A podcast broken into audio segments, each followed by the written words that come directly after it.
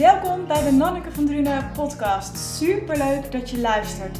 In deze podcast ontdek je de kracht van woorden, hoor je inspirerende verhalen en neem ik je mee in mijn zoektocht naar dingen die jou kunnen helpen om lekkerder in je vel te zitten. Ik heb er weer ontzettend veel zin in en wens je heel veel luisterplezier toe.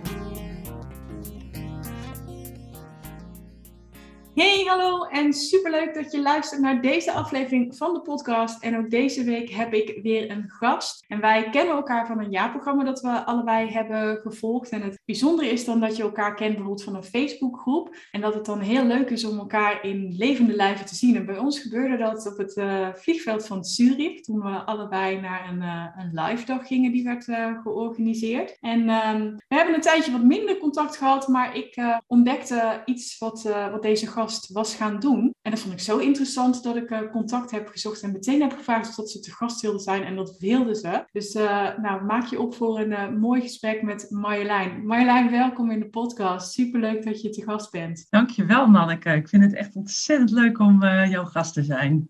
Ah, leuk. Ik heb het bewust een beetje cryptisch uh, gehouden over uh, wie jij bent en wat je doet. Want ik vind het heel erg leuk als je dat uh, zelf vertelt. Dus brand los. Wie ben jij en wie help je waar mee? Ja, goede, goede vragen en uh, niet zo makkelijk te beantwoorden hoor. Nee, maar je mag je tijd nemen. Want dat is juist wat ik doe, hè. wie ben ik en hè, wat kom je hier doen? Dat is, ja. uh, dat is voor mijzelf ook een hele lange weg geweest en, en er nog steeds mee bezig. En dat is, uh, dat is het leuke, ook het uitdagende.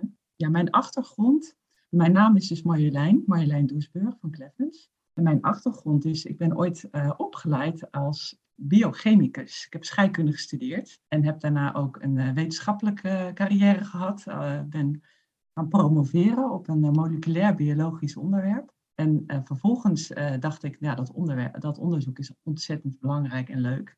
Maar dat is ook wel heel beperkt, want je kijkt eigenlijk op de vierkante millimeter. En het duurt soms jaren voordat je een, een leuke ontdekking doet, met artikelen en alles. Dus ik dacht, nou, ik wil eigenlijk meer met mensen werken. Uh, en meer uh, projecten die sneller klaar zijn. Toen ben ik me gaan specialiseren als klinisch chemicus. Nou, dat woord kent bijna niemand. Uh, dat is zeg maar specialist laboratoriumgeneeskunde. Mm-hmm. En dan in het vakgebied klinische chemie. En klinische chemie, dat wil zeggen alle stofjes die jij in je lichaam hebt, die daar ook horen. Dus bijvoorbeeld een microbioloog, die kijkt naar de beestjes, de parasieten, de bacteriën, virussen enzovoort. En een patholoog kijkt naar uh, afwijkingen als iemand al, uh, ja, als iemand ziek is uh, en iets in zijn lichaam heeft waar je meer van wil weten. Maar een klinisch chemicus kijkt, nou, als je bijvoorbeeld suikerziekte hebt, of, of dat je dat hebt, of dat je een leveraandoening hebt, of een nieraandoening, of hartproblemen, hormonale problemen, noem het. Alles wat, wat zeg maar uit balans kan zijn in het lichaam. Daar zijn bloedtesten voor en dat wordt gedaan op een laboratorium. En uh, ik heb, zo heb ik uh, bijna twintig jaar in een ziekenhuislaboratorium gewerkt als leidinggevende en als specialist. En uh, daar was ik verantwoordelijk voor dat de artsen de goede uitslag kregen en op tijd. Zodat ze de patiënten konden helpen met, ja, wat heb ik eigenlijk en wat zijn mijn vooruitzichten en of ben ik gezond of als, als ik diabetes heb, hoe gaat het dan met mijn, met mijn bloedsuikers? Dat soort dingen. En dat was ontzettend uh, leuk om te doen, want het is elke dag anders. En je werkt met een team met analisten die dan die apparatuur uh, bedienen en mensen die de bloedafnames verrichten, ook in de regio. We hadden heel veel contacten met huisartsen, met specialisten. En toch begon er op een gegeven moment iets te kriebelen bij mij, omdat ik zag dat we in dat plaatje toch uh, iets te beperkt kijken voor mij dan. Hè. Niet iedereen vindt dat, maar ik vond dat beperkt, omdat ik ook weet, weet, en dat weet jij misschien ook wel, misschien straks nog wel wat over zeggen, dat uh, soms dan voel je je gewoon niet lekker. En dan al een hele tijd. En uit je bloed komt eigenlijk helemaal niks. Dit, dit blijkt gewoon alsof je, je bent gewoon gezond. En toch weet jij en voel je aan alles, ik ben niet gezond, ik voel me niet lekker. Mm-hmm. Het, ja, dat, die manier van kijken, dat noem ik altijd het kijken door een sleutelgat. Het is mooi dat die testen er zijn. Het is ook heel belangrijk dat je in noodgevallen of in andere uh, gevallen ook uh, bloedonderzoek kunt doen. Maar het is niet alles. Het is niet het hele plaatje.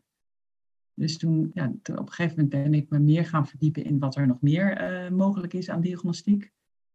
En ook wat, wat er niet zichtbaar is. Want dat is het leuke van de klinische chemie. Dat zie je natuurlijk ook als ik mijn vinger opsteek of mijn arm opsteek. Zie je ook niet wat er aan de hand is. Mhm. Soms wel, als die geel is, dan weet je dat iemand een leveraandoening heeft bijvoorbeeld. Hè? Maar dat is wel heel makkelijk. Meestal zie je het niet. En zo ben ik op een gegeven moment uh, ook, ook ja, me gaan verdiepen in, in de ziel, de werking van de ziel. En dat is een heel breed vakgebied. En dat, daar kan ik nou ja, misschien ook nog wel een hele week over praten, maar dat zal ik nu niet doen. Dat wil je niet aandoen als luisteraar, maar ja, En toen kwam ik op een, op een, uh, ja, op, eigenlijk op een uh, opleiding uit. Dat, dat, dat heet, ja, in het Engels heet dat Soul Realignment. Feit is dat de blauwdruk van je ziel. En dus hoe, hoe, zie, hoe ziet jouw ziel als, als blauwdruk uit? Wat zijn, wat zijn je mogelijkheden als mens hier op aarde?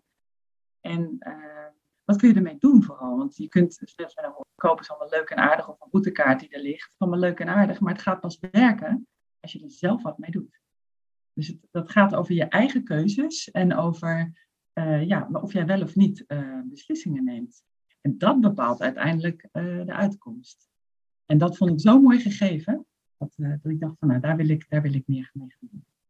Je, je maakt nou vrij snel de stap hè, van ik was heel erg met mijn wetenschappelijke achtergrond en zo en ik, ik vond dat er iets, ja, ik had het idee dat er iets meer was en dus heb ik de, heb ik de ziel erbij betrokken.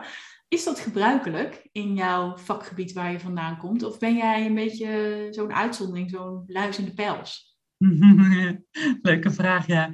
Ja, dat, dat wisselt. De karakteristiek, het karakter, ja, het, typische van, van wetenschappers is eigenlijk dat ze heel nieuwsgierig zijn je, wil, je wil ontdekken. Het zijn eigenlijk ontdekkingsreizigers. Je, je, wil, gewoon meer ontdekken, meer weten wat er is. En hoe meer je ontdekt, hoe meer je ziet wat je niet weet. Dat is altijd voor mij in ieder geval best, best soms een uitdaging.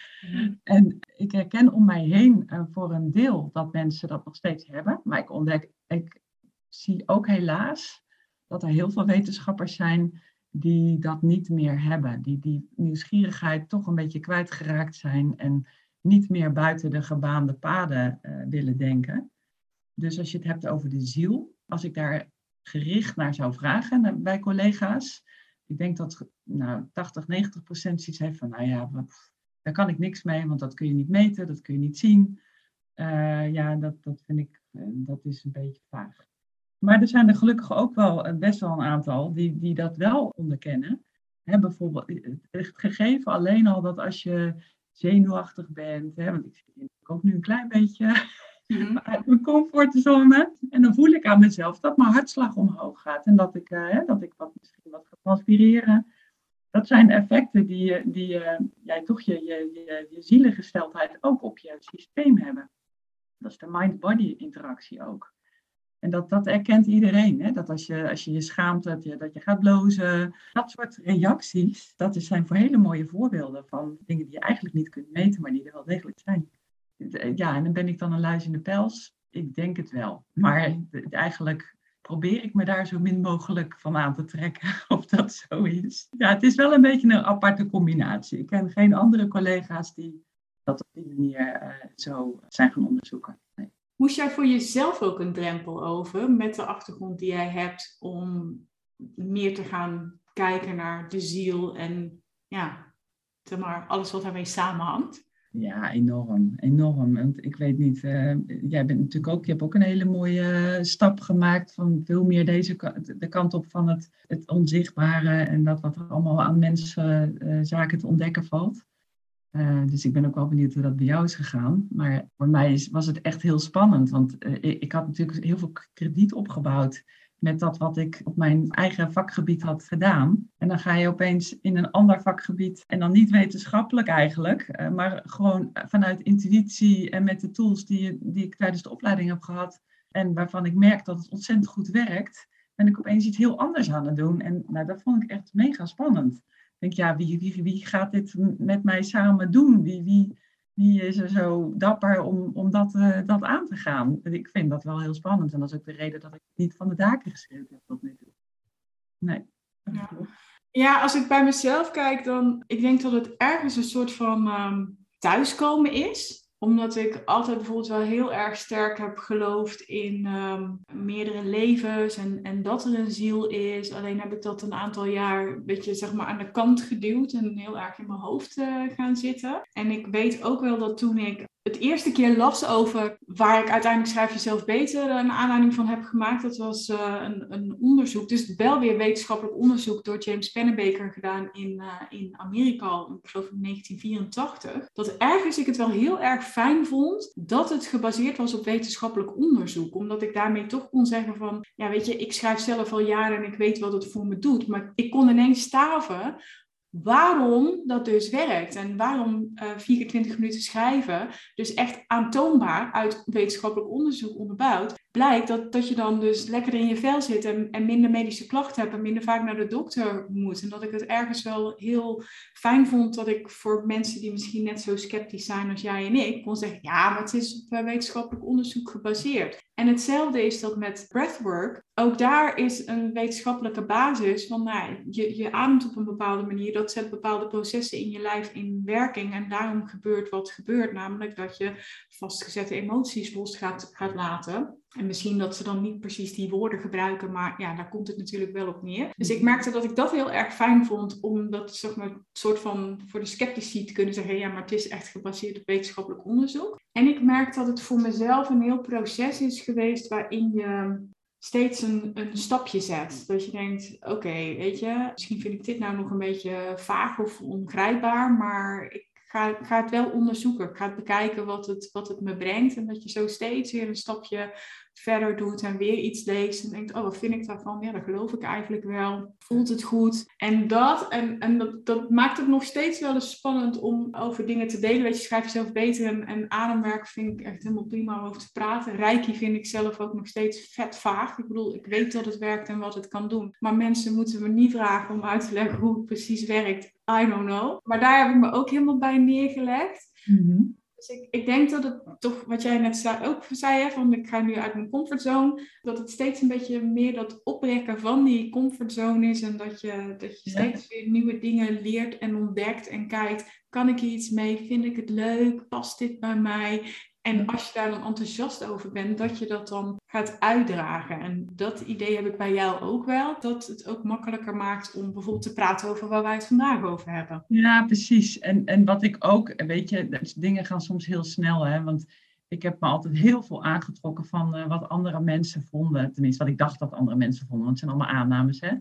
Uh, en zij ze het echt tegen je zeggen, maar ja, vaak zou je... Ja, meestal niet hoor. Maar dan denk, ik, dan denk ik, oh, ze zullen wel denken. En denk ik, ja, dus op een gegeven moment... Ze zullen wel denken, ja. Ja, en op een gegeven moment denk ik, ja, hallo zeg, ik loop hier al een halve eeuw rond op aarde. En, uh, en ja, ben ik nou de hele tijd maar aan het, aan het gedragen zoals ik denk dat anderen dat... Hallo, ik weet zelf wel wat, wat, uh, wat ik kan doen en wat, uh, wat bij mij past. En ik ben er echt niet op uit om mensen schade aan te brengen. Dat vind ik heel belangrijk. Dat, dat, dat iedereen gewoon zijn eigen waarheid heeft en dat er niet één waarheid is. En en dat dat ook nog eens wel eens bij elkaar kan passen. Dat is helemaal mooi.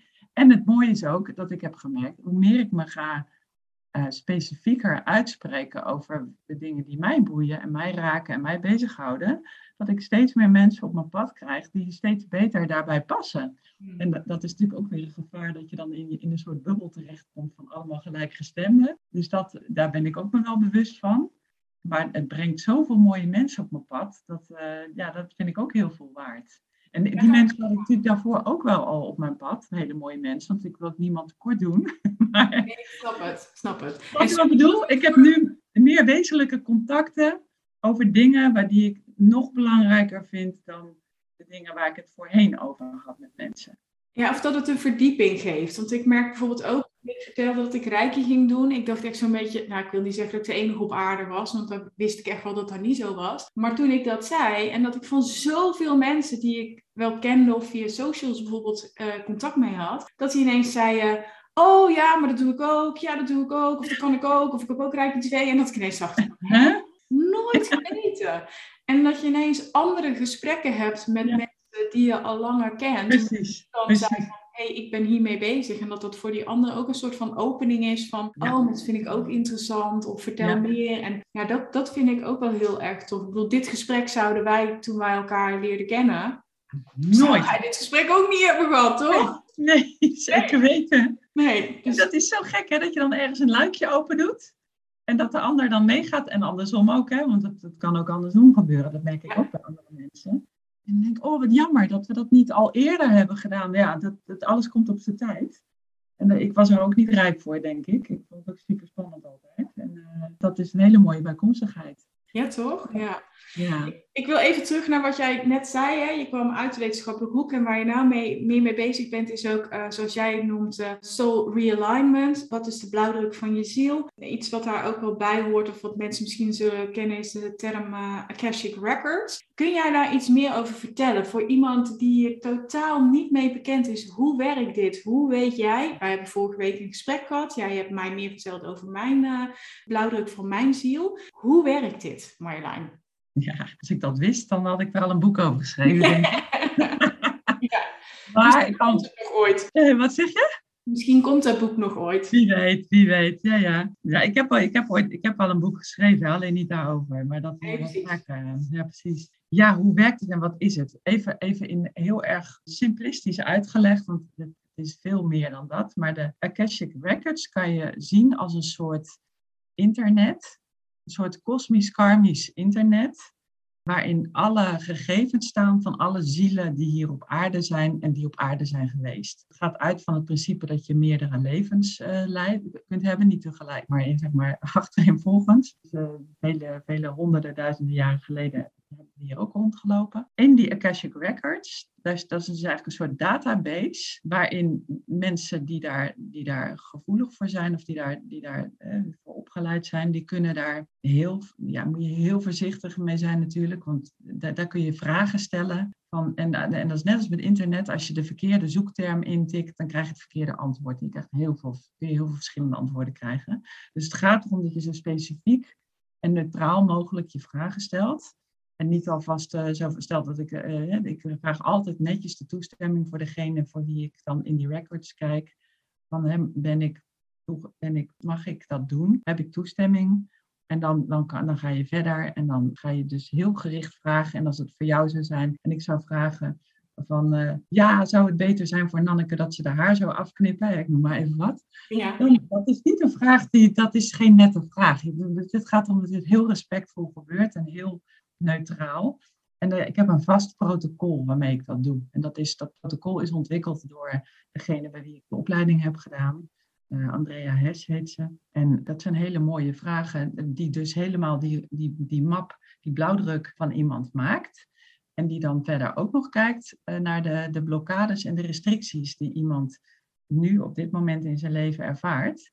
En waar, wat daar de oorzaak van kan, eh, is. Dus dat kan zijn de dingen die je eerder in dit leven hebt gedaan, of besloten, of keuzes die je gemaakt hebt, of dingen die je, die je tegen bent gekomen, of in vorige levens zelfs ook. En dan is het niet zo dat ik bijvoorbeeld uh, zo duidelijk zeg van nou, uh, op je derde jaar ben je van de trap gevallen en toen is dat gebeurd. Zo gedetailleerd kan ik dat nooit vinden. Dus het is altijd in samenspraak met degene voor wie je het doet kan ik jou zeggen van nou, op je rond je derde of tussen je tweede en je vierde of tussen zo rond de eerste vier levensjaren is er iets gebeurd in je leven wat ervoor heeft gezorgd dat jij nu angst hebt. Of het zijn hele, hele, toch wel specifieke dingen dan. En dan is het aan degene met wie ik dat doe, om dat te duiden.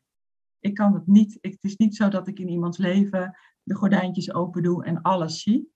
Wees niet bang. Het is al, ik, ik zie het alleen in hele algemene termen. Dus als ik een, een blauwdruk maak van tevoren, voordat ik een meeting heb met iemand, ben ik altijd heel benieuwd naar het gesprek.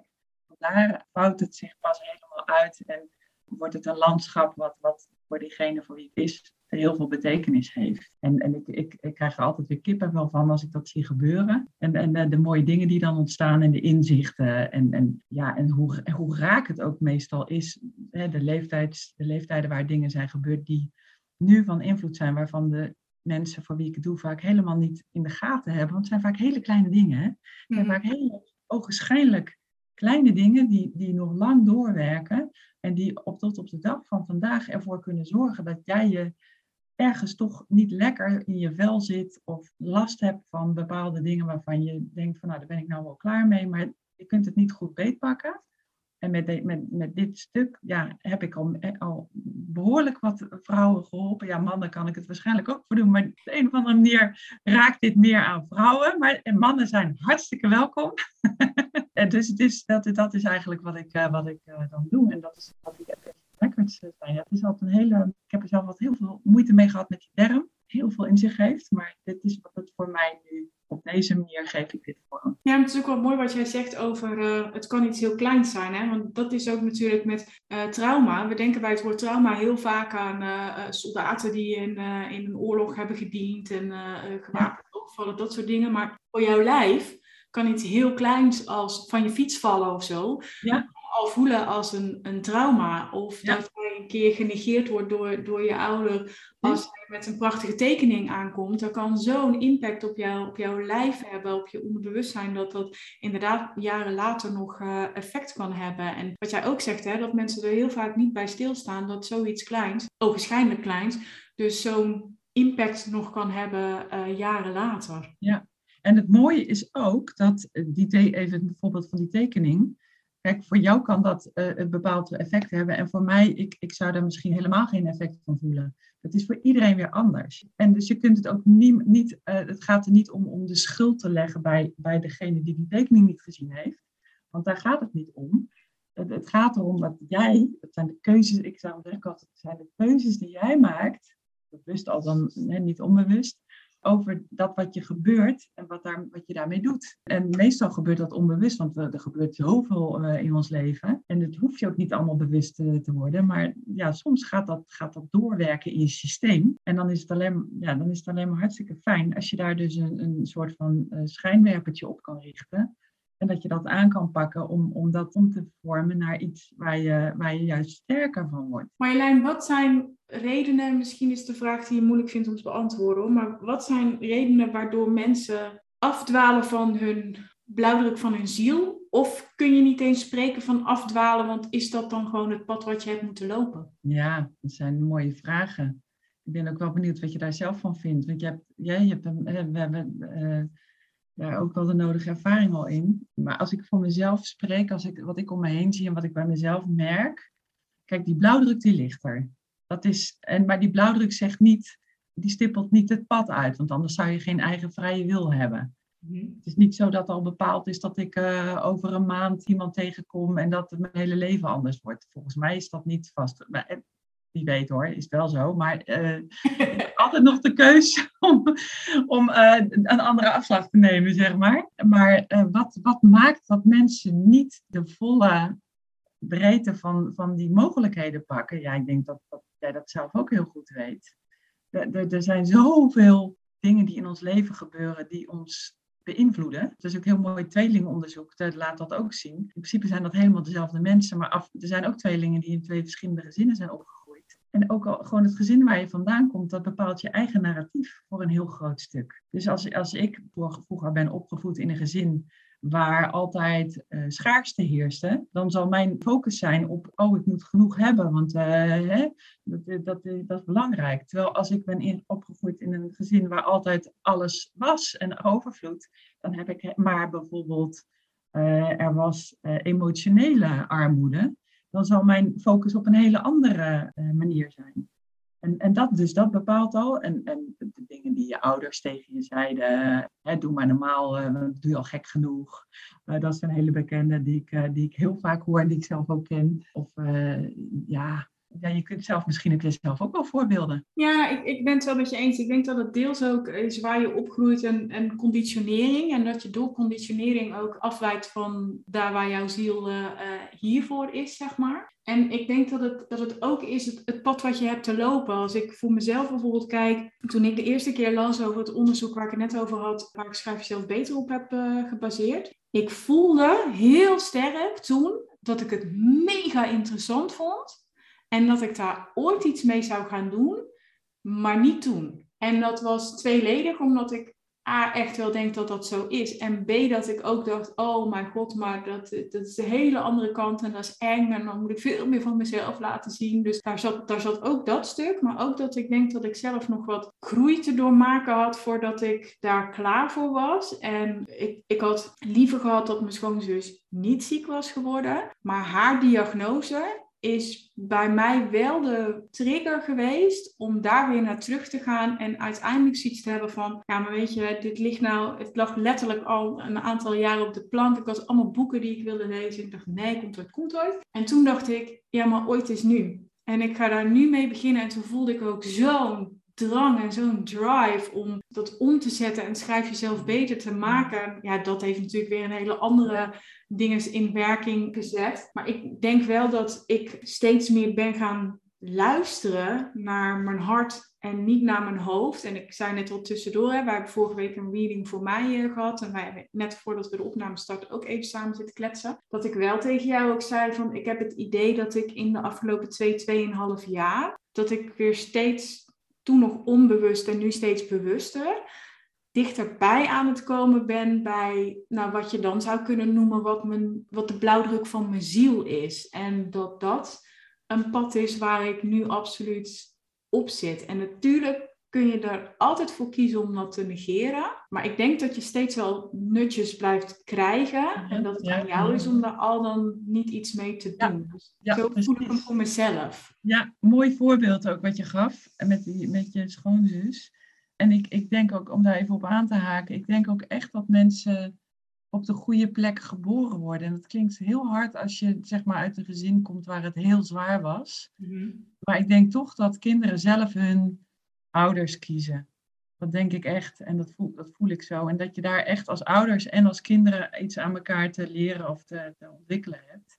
Hoe lastig dat ook is. En ook inderdaad wat jij zegt, dat je op je levenspad verschillende mogelijkheden krijgt om dat aan te gaan of niet. Dat kan natuurlijk ook hoewel het, soms, soms lijkt dat mensen steeds, steeds duidelijkere signalen op hun pad krijgen, die soms niet of vaak niet leuk zijn. En ziektes, eh, wat jij ook als voorbeeld noemt, kunnen, kunnen vaak hele heftige impact hebben. En ja, dan heb je mensen die zeggen, ja, als je, de ziekten zijn om je aan te ontwikkelen. En, en dan zou je kunnen zeggen, ja, als je dan doodgaat aan die ziekte, dan heb je het dus niet ontwikkeld. Nou, daar ben ik totaal niet mee eens. Dat kan je pad gewoon zijn om dat mee te maken. En wat voor mijzelf een ontzettende wake-up call is geweest, in die zin, is, is het overlijden van mijn moeder. Hmm. die was, uh, ik, ik, zei je net over bloedonderzoek waaruit blijkt dat je niet ziek bent. Nou, mijn moeder was super gezond, echt super gezond. Die deed alles en die was, uh, nou, die was 72 en was zo gezond als een vis, maar die was psychisch ziek eigenlijk. Alleen hadden we dat allemaal niet zo goed in de gaten. En da dat is uiteindelijk ook haar, haar overlijden geworden. Zij heeft zelf, zichzelf het leven ontnomen. Nou, dat, dat nam zo'n dat is, heeft zo'n impact op mij gehad dat ik dacht, hallo, ja, we hadden het ergens wel zien aankomen, maar ergens ook weer niet. Hè? Want je denkt, dat doet iemand niet. en dat, dat heeft zo'n impact gehad in ons leven, van ons gezin ook, en van, van mijn zussen en mijn vader, dat ik vanaf dat moment stond mijn wereld letterlijk even helemaal stil. En, en had ik echt zoiets van, nou, dit, dit moet ik weer een, die wil ik een nieuwe plek geven en wat betekent dat voor mij? En toen ben ik ook echt in een soort stroomversnelling gekomen. Eigenlijk wat jij zegt over de laatste 2,5 jaar. Dat is bij mij de laatste zeven jaar uh, dan gebeurd. ja, om, om echt ook keuzes te maken die ik normaal niet zo makkelijk gemaakt zou hebben. Omdat ik dacht, ja, als ik dat niet doe, dan, dan raak ik zo inderdaad van paadje af. Dat uh, niet dat ik bang ben dat ik hetzelfde ben of doe als mijn moeder. Ik ben gelukkig een mix van van meerdere. En mijn vader is er ook nog. maar ik had wel zoiets van, ja, dit is wel, dit is wel ook ehm, van betekenis. Het is niet voor niks. Dat is dat dan bij jou ook dat je meer naar je hart bent gaan luisteren en minder naar je hoofd? Nou ja, dat hoofd, dat uh, is super belangrijk. Maar dat inderdaad, wat je zegt, dat zou niet de prioriteit moeten hebben. Uh, inderdaad, vanuit je hart of vanuit waar, waar je van, ja, ja, je hart is inderdaad uh, vind dat altijd een beetje lastig van ja, je hart, uh, hoe is dat dan? En, dus, uh, je kijkt naar dat orgaan, dan ja, het plastisch, dan heb ik er meteen een beeld bij. Maar ik denk, wat jij bedoelt is echt zeg maar vanuit, ja, vanuit mijn, mijn innerlijke drijfveren, mijn, mijn moraliteit, mijn zingeving. Dat is wat, waar het hart voor mij voor staat. Dat is de eerste of de eerste periode van mijn leven misschien een beetje ondergesneeuwd gebleven. Ik wist ook nooit goed wat ik wilde worden. En later als ik groot zou zijn dan, nou ja, die tijd is nog steeds niet gekomen. ik ben best wel groot en best wel oud al, dus uh, ik, wanneer komt dat dan? Het blijft een zoektocht, ja. En dat is ook het mooie. En dat, het, het gaat niet om het doel, het gaat om de weg. Hè? Dat, uh, dat is ook zo'n mooie uitspraak die ik heel erg omarm. Dus dat, uh, ja, dat speelt allemaal mee. Ja, mooi is dat. Jij, zei net van, ik heb al voor best wel wat mensen zo'n blauwdruk van de ziel, uh, soul realignment gedaan. Ik heb natuurlijk pas gehad hè, van jou, dus ik ben nog volop bezig om het te laten landen. Wat brengt het mensen als ze een reading bij jou hebben gehad en als ze dus weten wat, wat de blauwdruk van hun ziel is? Ja, dat is, dat wat ik terugkrijg van mensen is dat het ze eh, heel veel blijdschap en herkenning, bevestiging, rust, focus. Ja, het is, het is even, je, je krijgt eigenlijk een soort extra ruggensteuntje in de, de dingen waar je mee bezig bent en waar je over twijfelt. Alsof je uh, een goede vriend of een goede vriendin om advies vraagt. Alleen in dit geval krijg je het advies van, van jezelf. Want je, je doet het zelf. En dat, tenminste, ik weet niet of jij dat herkent, maar het gaat over jou. Een goede vriend kan nog wel eens net ernaast zitten met zijn advies.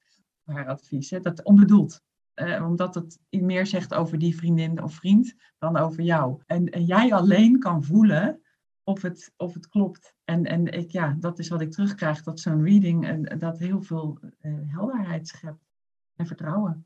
Ja, het is ook wat jij zegt, dat je vrienden doen dat met de juiste intentie, maar je neemt altijd jezelf mee en je eigen kijk op de wereld. En ja, dat doe je dus als je advies geeft aan iemand met wel, alle goede bedoelingen natuurlijk. Ja, ja. Wat, ik wel mooi vond in de reading is dat je ingaat op zeg maar de kwaliteiten van iemand, maar ook uh, de valkuilen. En wat jij ook al zei van, jij geeft info, maar het is ook aan degene die de reading krijgt om daar dan ook weer duiding aan te geven. Jij gaf bijvoorbeeld vorige week bij mij uh, een, uh, een, voorbeeld over uh, het embodyen van mhm. dingen. Jij gaf daarbij wat voorbeelden en meteen in mijn hoofd ging ademwerk. Dus dat is zo mooi dat ik dat teruggaf aan, aan jou. Dus jij, ja. oh ja, tuurlijk, heel erg leuk. Dus je weet waar jij mee bezig bent. En, ja. dat vind ik wel heel erg mooi dat je dan door er samen over te hebben, dat je dan ook daar duiding aan kunt geven. En, en sommige dingen soms ook wat meer tijd nodig hebben om, om te landen of te begrijpen. Ik weet niet precies wat het was, maar ik vroeg vorige week op een gegeven moment ook aan jou van, wat, wat bedoel je daar dan mee? je kon hem nog niet meteen vastgrijpen en dat kan ik nog steeds niet. En dan daar ook weer het vertrouwen in hebben van, maar ik, er komt een tijd waarop ik weet wat hiermee bedoeld wordt. Ja. Misschien nu nog niet. En het is wel heel grappig om te zien dat dat bepaalde dingen steeds terugkomen. Uh, ik heb ook een human design reading gedaan. Ik heb een natal chart reading heb ik gedaan. En er zijn gewoon, en het hangt natuurlijk ook allemaal met elkaar samen, dat snap ik ook wel. Maar er, er zijn gewoon bepaalde dingen die de hele tijd terugkomen bij mij. Dat ik ook denk, ja, oké, dus ik, ik mag dat ook echt volledig gaan omarmen. En dan ook bij wijze van spreken niet meer tegen te vechten en te denken, oké, maar daarom ben ik dus hier. En het is oké. En dat het, is een soort van, um, klinkt misschien heel raar, maar een soort van toestemming om jezelf te zijn. Ja, ja, een soort mandaat. Ja. Ja, maar dat, dat is ook het spannende, want ik herken dat. Ik krijg ook geregeld terug dat, wat ik hier te doen heb op aarde. En denk, ja, weet ik niet. en, dan, en dan denk ik, ja, wat houdt mij dan tegen? Hè? Om, om, hè? Want eh, bij mij is dat letterlijk de boodschap uitdragen. En dan in het begin dacht ik, de boodschap uitdragen, hallo, ik ga geen, eh, even flauw gezegd, ik wil niemand kwetsen, maar ik ga geen Jehovah-getuige worden. Ik ga geen voet tussen de deur zetten. Daar zat bij mij zo'n zo'n no-go, zo'n grote rode vlag. En ik denk, ja, maar ik krijg hem steeds meer terug. En dat heeft er uiteindelijk toe geleid dat ik in mijn bedrijfslogo is een, is een, is een uh. Een, light, lighthouse. Dat is gewoon, maar wat ik, ik wil niemand uh, de weg wijzen, maar ik laat het licht schijnen op een weg. En dan is het aan iedereen om zelf uh, die, die, weg te gaan. En ik ben dus niet de, de reddingssloep die jou gaat redden. Helemaal niet. Dat is niet mijn intentie, want die bepaalt of je überhaupt gered moet worden. Nee, in die vuurtoren staat ook gewoon op het land. Dat is gewoon een baken die zegt, hier sta ik en hier is mijn licht. En herken mijn licht en, en weet voor jezelf, pak het stuur in handen, kijk naar je eigen kompas en, en zoek je weg. Dat is, dat is mijn rol. Maar dat, dat, als ik hem zo kan uitleggen, dan voelt hij een stuk uh, prettiger dan, dan wat ik steeds voor me kreeg, de boodschap uitdragen. En ik denk, hallo. Nee, maar je mag daar dus ook je eigen interpretatie aan geven. Ja. Je eigen in vinden van, oké, maar, maar hoe voelt dat dan goed voor mij? Ja, precies. Ik, zeg wel, ik heb mijn reading natuurlijk nog maar net gehad, hè, dus het is voor mij nog een beetje dat ik denk, een beetje zoeken van, oké, zie ik het dan? En het is ook heel leuk, want uh, in Human Design ben ik bijvoorbeeld een projector. En ik zie daar ook wel weer dingen in terugkomen, wat dan ook weer uit jouw reading blijkt. En het zou natuurlijk ook gek zijn als het elkaar ineens allemaal gaat tegenspreken. Ik was alleen maar blij om dat te horen, ja. Ja, toch? ja, maar dat, dat vind ik dus wel heel mooi, omdat het, ook dat is weer een zoektocht naar, oké, en hoe geef ik daar dan vorm aan? Bijvoorbeeld ook als projector ja, ben je niet gemaakt om, om acht uur per dag te werken. En we leven wel in een maatschappij waar dat de norm is. Dus dat vraagt ook heel erg om loslaten van conditioneringen. En daarmee kom je natuurlijk automatisch al ook weer dichter bij je eigen blauwdruk uit. En is het natuurlijk de bedoeling dat je leven ook een stuk makkelijker wordt. Alleen wij zijn ook zo gewend, denk ik, dat het, dat het moeilijk is. En nou ja dat is precies dat narratief waarin wij hier zijn opgegroeid. Hè? Dat is toch nog een stukje Calvinisme wat daarin doorcijpelt. En, en dat is heel mooi dat je dat zegt. Dat doet mij eraan denken dat hoe dichter je komt bij je ware wezen, hoe, dat is een soort stroomversnelling. Het is, hè, het is, je gaat dan, dan, gaat, dan kom je in een soort flow. En dan gaat het voor je werken in plaats van dat je steeds tegen die stroom in aan het, uh, aan het uh, spartelen bent. Ja. ja, heel mooi. Ja, wat, wat helpt jou nou in dat omarmen? Je zei net hè, van uh, ik, ik uh, moet de boodschap uitdragen en ik voelde daar weerstand. Wat, wat helpt jou om daar dan toch in mee te gaan en dus meer richting je eigen blauwdruk te gaan leven? Hmm, hmm. Ja, weet je wat grappig is? Wat mij helpt, is dat er opeens allemaal mensen op mijn pad komen die vragen om een reading. Nou, ik, ik zelf was met hele andere dingen bezig, eigenlijk ook. ik, ik, ben ook een, een, een, duizendpoot wat dat betreft. En opeens dacht ik, oh, oh, oh, oh, nou ja, ja. En dan, en dan ga je dat proces met, met jou en met anderen. En denk ik, wauw, oh, wat is dit toch mooi om te doen.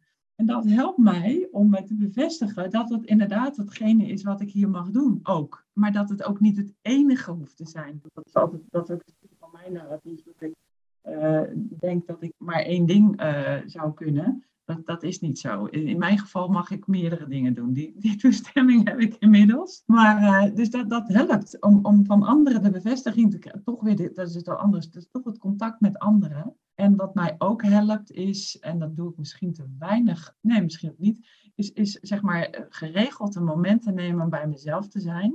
En wij hebben een hond. En ik eh, ga elke dag twee, drie keer met haar wandelen. Afhankelijk, soms gaat iemand anders met de, met de hond wandelen, maar ik doe dat in ieder geval twee, drie keer per dag. En dan ben ik met die hond buiten, in de stad, in de natuur. En die hond die zegt natuurlijk niet zoveel. Maar daardoor heb ik de tijd om even dingen te laten landen en, en uh, in, op te nemen of in door te laten werken. Het is een soort meditatieve ja, moment. En ik ben namelijk niet het type wat heel makkelijk op een kussentje gaat zitten en uh, zen gaat zitten zijn. Dat, dat doe ik ook wel eens, maar minder dan ik eigenlijk zou willen. Uh, en dat helpt echt, dat die stilte momenten, die, die in ons leven natuurlijk steeds minder zijn, door alle prikkels die we hebben, die zijn echt wel heel wezenlijk. Omdat je dan toelaat wat er gezegd wil worden in die stilte. En, en dat leren luisteren naar anderen, maar ook naar jezelf en naar je innerlijke stem en naar dat wat er in de wereld nog is. Dat hebben we denk ik nog ja, verleerd, want dat zullen we vroeger wel gekund hebben. En ik denk dat dat echt een, hele belangrijke opdracht is, voor ook voor de huidige generatie kinderen die opgroeit, om dat toch meer te gaan leren. En of dat nou in de vorm van mindfulness is of van meditatie of hoe je het wil noemen mijn, mijn, mijn oproep zou zijn, ga voor jezelf kijken wat voor jou het beste bij je past. Ik weet niet of jij daar een manier voor gevonden hebt. Ben ik ook wel benieuwd naar.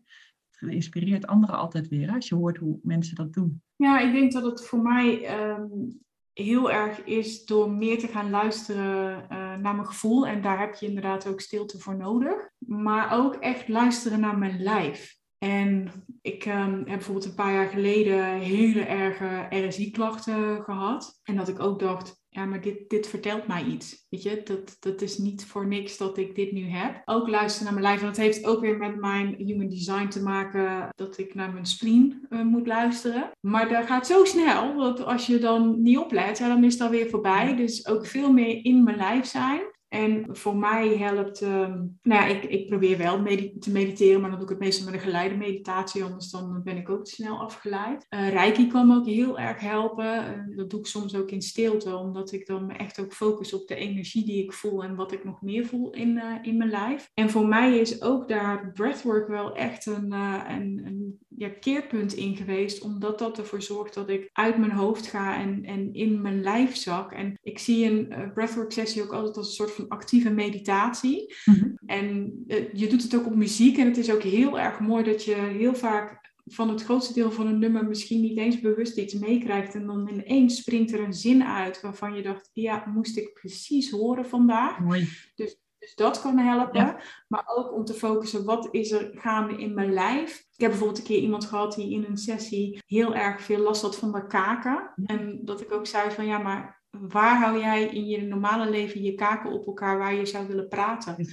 En dat was ook zo, ja. dat ze meteen zei, ja, duidelijk. En zo heb ik meer mensen gehad dat er een lichamelijk iets gebeurt tijdens een sessie, wat zo symbool staat voor iets wat in hun leven gaande is. En bij mezelf ook, hè. Ja heel fijn vind aan breathwork is dat, het, dat ik ook af en toe gewoon uh, enorm kan huilen. Mm. Zonder reden, want dat gebeurt dan in mijn lijf. Dus dat is loslaten. En er zit eigenlijk altijd wel een, uh, een scream song in, Primal Scream Song. En ik weet nog dat ik dat de eerste keer moest doen en dat ik echt dacht, ga ik echt niet doen, die Primal Scream Song. En toen waren we bij dat nummer en dat ik echt dacht, wanneer komt die, wanneer komt die, weet je. Dat Want, zo dan ga je even voor mij, en uh, misschien voor mensen die dit horen, een Primal Scream Song, dat, wat, dat is dat je gaat, gaat schreeuwen? Of hoe, ja? ja? dan de, tijdens een breathwork sessie bouwt de energie zich op. De, het nummer van de, de, tempo in de nummers bouwt zich op. Dus je gaat steeds sneller ademhalen in principe, waardoor dingen in je lijf gebeuren. Ja. Primal Scream Song die zit uh, redelijk richting het einde, dus dan heb je al heel veel energie opgebouwd in je lijf. En het is eigenlijk, als je het in de chakras uh, zou doortrekken, dan open je je keelchakra. Maar het kan heel erg lekker zijn om gewoon de frustratie, de woede, net wat er in je lijf zit, om die er gewoon uit te gooien met een brul of een schreeuw of whatever. Dat kan zo bevrijdend zijn om dat te doen. En dat is dus ook weer loslaten, ruimte maken. En na de Primal Scream Song heb je nog één nummer. En daarna ga je naar het meditatieve deel. Dus dan hoef je ook niet meer uh, adem te halen. Tenminste, je haalt het normaal. En dan werkt uh, goed, hè? ja, ja, en, dan, en dan heb je dus ook rustigere nummers. Dus dan heb je een soort van integratie. Dus het is ook een hele mooie balans tussen het mannelijke en het vrouwelijke. Mm qua energie. En dan lig je daar en dan, dat is ook een, een moment dat er voor heel veel mensen ook weer inzichten komen. En ja, omdat je dus uit je hoofd en in je lijf bent, dus die stilte hebt terwijl je toch muziek hoort. Mooi. Dat is wat voor mij ook echt heel veel doet. En ja, ja dat, het is echt voor mij zo'n waardevolle tool geworden. Um, dus ja, allerlei dingen schrijven kan mij ook enorm helpen om uh, achter belemmerende overtuigingen te komen of te ontdekken waar iets vandaan komt. Of gewoon af en toe mijn frustratie op papier te zetten. Dus ja, dat, dat zijn allemaal heel waardevolle Ja, er zijn heel veel wegen hè, die naar Rome leiden. En, en, en dat kan zelfs ook per periode in je leven verschillend zijn. Ik bedoel, eh, onze kinderen zijn nu wat, al wat ouder.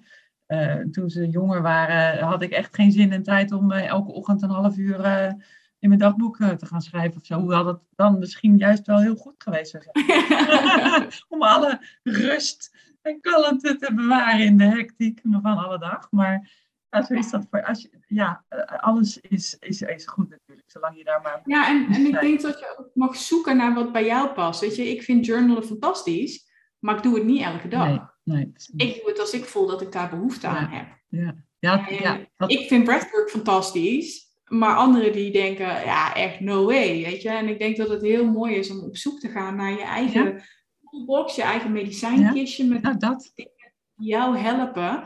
Uh, en of dat dat nou een reading bij jou is, zodat je eigenlijk weet waarvoor je hier op aarde bent en je dan tools hebt om ervoor te zorgen dat, dat het makkelijker wordt om dat pad te gaan lopen. Ja, dat, dat is denk ik uh, ieder zijn, zijn pad ook weer om uit te zoeken van wat zijn dan voor jou de dingen die je daarbij helpen. Ja. Ja, mooi dat je dat zegt over die toolbox en over dat medicijnkistje. Want ik zie, ja, helaas gewoon, we, we, zien om ons heen, in Nederland in ieder geval, en ik denk op heel veel plekken in de wereld, dat mensen in plaats van die weg te gaan, daarop naar op zoek te gaan, makkelijker uh, naar pijnstillers of naar drugs of naar antidepressiva grijpen. Dus je ziet hoeveel miljoenen mensen daarvan gebruik maken in Nederland alleen al, dat, daar schrik ik elke keer weer van. Denk, oh nee, we zijn dus, en, en, eh, we zijn dus echt chronisch onszelf aan het, aan het onderdrukken of aan het vernevelen of aan het, ja, wat, wat zijn we eigenlijk aan het doen? Weten we dat wel, wat we aan het doen zijn? Ja, maar ja, als je ook nooit hebt geleerd, en, en dat is natuurlijk ook wel onze maatschappij, dat alle emoties te mogen zijn en dat het oké is om die op een veilige manier, laat ik dat wel zeggen, op een veilige manier te uiten dan word je natuurlijk ook geleerd om pijn en wat we dan bestempelen als negatieve uh, emoties, hè, om die weg te stoppen. En ja, ik geloof heel erg dat dat in je lijf gaat zitten en, en dat dat iets gaat doen met je. Het is niet gek, maar we leren het gewoon niet als maatschappij. En, en, je pijn wil je iets zeggen. Maar ja, als je daarvoor wegloopt, ja. hey, heb ik ook heel vaak gedaan. Hè? Ik ben ook mens. Tuurlijk. Maar dat is ook zoiets. Ik heb bijvoorbeeld een tijdje terug, toen was een uh, oom van mij overleden, 87. Ik heb daar verder helemaal vrede mee, maar het is altijd verdrietig. En ik merkte dat ik terugkwam van zijn begrafenis en dat ik gewoon tot hier zat. En ik heb ook in mijn stories gedeeld, ik heb gezegd, jongens, ik weet dat ik hier iets mee moet. Maar niet nu. Nu wil ik gewoon even apathisch op de bank liggen en uh, Netflix kijken. En de volgende dag heb ik een breathwork sessie gedaan. Helemaal prima, weet je wel. Maar dus het kan ook een keuze zijn. Maar het was toen mijn keuze niet nu, maar op een ander moment. En dat ben ik wel echt met je eens. Ik vind het heel verdrietig om te zien hoeveel er met medicijnen wordt aangepakt. En dat er heel vaak ook niet breder wordt gekeken. Ik bedoel, mijn eigen moeder heeft weer een, eh, een, een diagnose gehad. En dan denk ik, er wordt in aanloop naar haar operatie gekeken naar voeding, naar beweging. En dan is de operatie geweest. En dan zeggen ze, oké, we hebben de tumor eruit gehaald. U bent weer beter, toedeledokie. Er wordt niet gekeken naar stress, verdriet, emoties, voeding, whatever.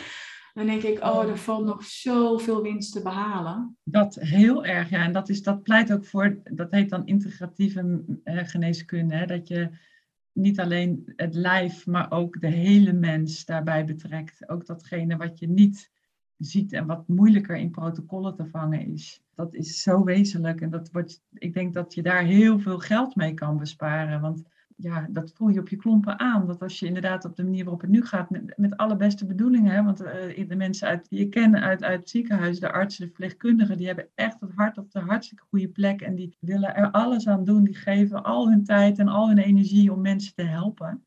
Maar, eh, eh, hè, want ik wil daar niet tegen aanschoppen, maar het is, het is niet meer de weg van nu. We hebben, we hebben meer nodig. We hebben zielenzorg, die mentale zorg, hè, wat jij ook zegt, dat is zo wezenlijk. We hadden vroeger natuurlijk, het is geen pleidooi om terug te gaan naar vroeger, we gaan door. Maar vroeger hadden we natuurlijk de religies hè, die ons hielpen.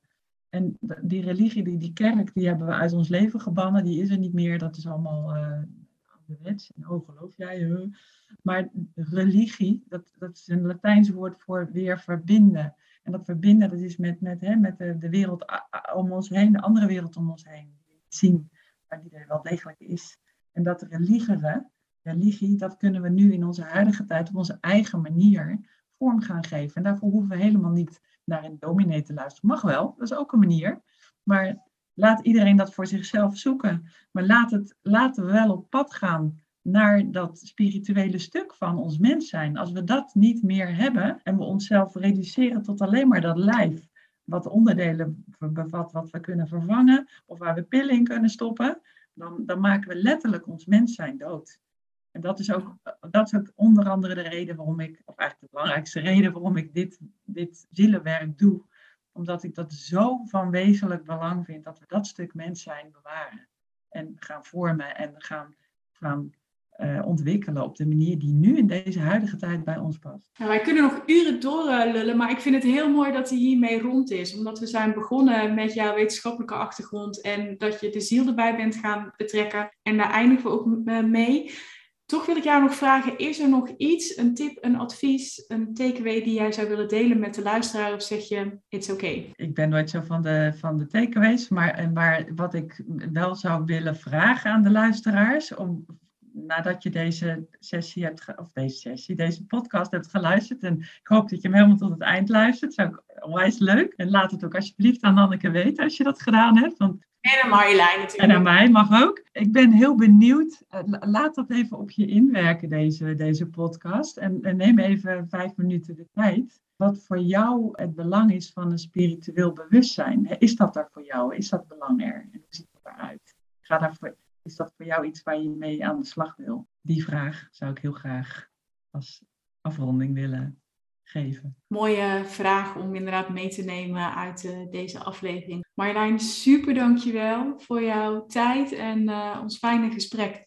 Ontzettend graag gedaan. En jij ook enorm bedankt voor je mooie vragen en de interactie die we hebben. En uh, ja, ik vind het ontzettend mooi dat wij elkaar weer opnieuw zo uh, ontmoet hebben. Heel fijn, dankjewel. Alsjeblieft en jij ook dankjewel. Als mensen meer van jou willen weten, als ze je willen volgen, waar kunnen ze terecht? Dat is een goede vraag. Ik heb een, uh, sinds kort een website, die heet lighthousenl.com. En dan a lighthouse met A voor lighthouse. En ik zit ook op Facebook gewoon onder mijn eigen naam en uh, op Instagram onder mijn eigen naam.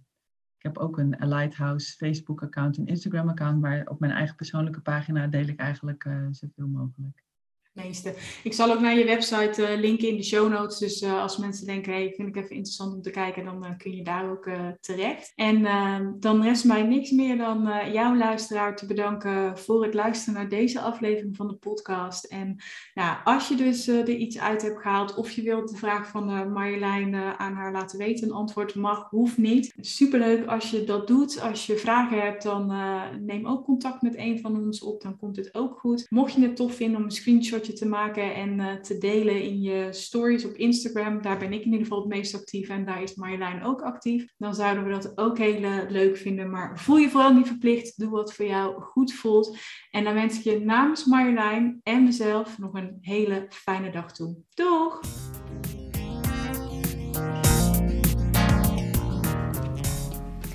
Dankjewel dat je luisterde naar deze aflevering van de Nanneke van Drunen podcast. Ik hoop dat je de aflevering interessant vond. Is dat nou het geval, dan zou ik het heel tof vinden als je een screenshot wilt maken van de podcast en mij wilt taggen op Instagram. En dat is Nanneke van Drunen. Op die manier inspireer jij weer andere mensen en ontdek ik wie er allemaal naar de podcast luisteren. En dat vind ik heel erg tof. En ik heb nog één vraag voor je. Ik maak echt met heel veel liefde en plezier gratis content voor jou. En ik zou het heel fijn vinden als je één dingetje voor me zou willen doen. En dat is een review voor me achterlaten op iTunes. En dat kun je doen door onder de podcast helemaal naar beneden te scrollen en me daar dan te laten weten wat jij uit de podcast haalt. En daar help je me echt enorm mee. Want hoe meer reviews er zijn, hoe meer mensen hem kunnen vinden. En ik weer kan helpen bij het ontdekken van de kracht van woorden. Alvast enorm bedankt en heel graag tot ziens bij een volgende aflevering van de podcast. Fijne dag nog!